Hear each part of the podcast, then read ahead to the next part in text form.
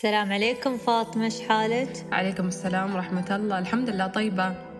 أه بسألك مرة قلتي لي أنك تدرسين في كلية الخوارزمي الدولية وأنك الحين في ثالث سنة. خبريني شو رأيك في الكلية وخاصة في تخصص الإعلام؟ نعم أنا طالبة من طلاب كلية الخوارزمي سجلت في سنة 2016 ودرست سنة ونص تخصص إدارة الأعمال. وعقب غيرت رأيي وتخصصت في قسم الإعلام آه، وبالتحديد تخصص علاقات عامة.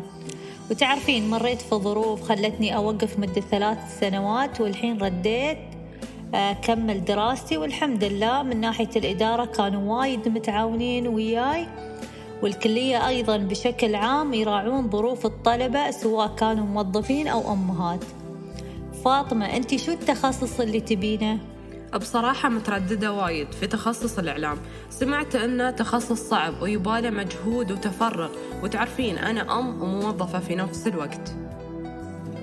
أه بالعكس تخصص الإعلام تخصص وايد حلو وسهل وفوق هذا تدرسينه باللغة العربية. يعني أبدا ما بتواجهين أي صعوبة وغير شي. عندك ثلاث تخصصات في مجال الإعلام. عندك أول واحد علاقات عامة وثاني واحد إعلام رقمي.